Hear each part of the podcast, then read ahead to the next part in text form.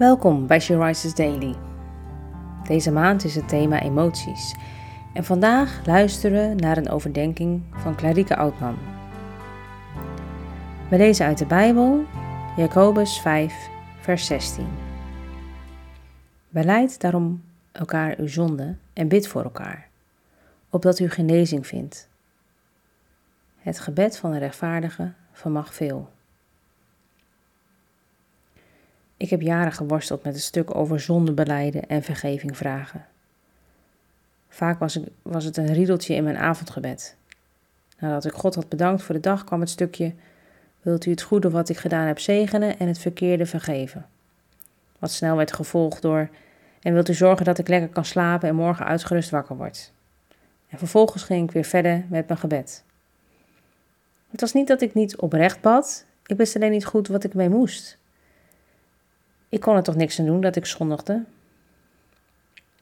Soms hoorde ik van mensen die specifieke zonden opnoemden in hun gebed, of aan God vroegen of hij meer inzicht wilde geven in de fouten die ze maakten, omdat het soms zo onbewust kan gaan. Die mensen begreep ik helemaal niet. Ik vond het lastig om stil te staan bij mijn eigen zonde. Want ik deed echt wel mijn best om zo goed mogelijk te leven, maar soms is dat gewoon ontzettend lastig. Soms lukt het niet om ergens mee te stoppen maak ik keer op keer de fout. Die dingen noemde ik liever helemaal niet in mijn gebed, want ik schaamde me ervoor. En ook in de Bijbel vermeed ik vaak de stukjes over dat we zondig zijn.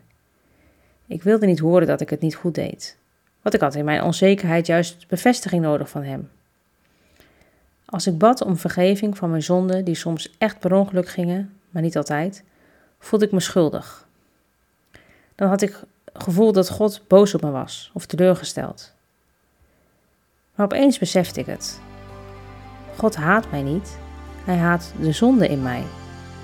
Dus eigenlijk is het heel mooi om te leren waar wij verkeerd doen en om te vragen of God dat verkeerd in ons weg wil halen.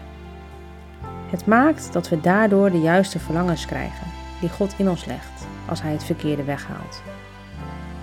Deze wetenschap haalt de schaamte wat meer weg maakt dat we makkelijker als rechtvaardige mensen bidden, zoals we in de tekst hierboven lezen. Ik hoop dat dit jou ook rust geeft.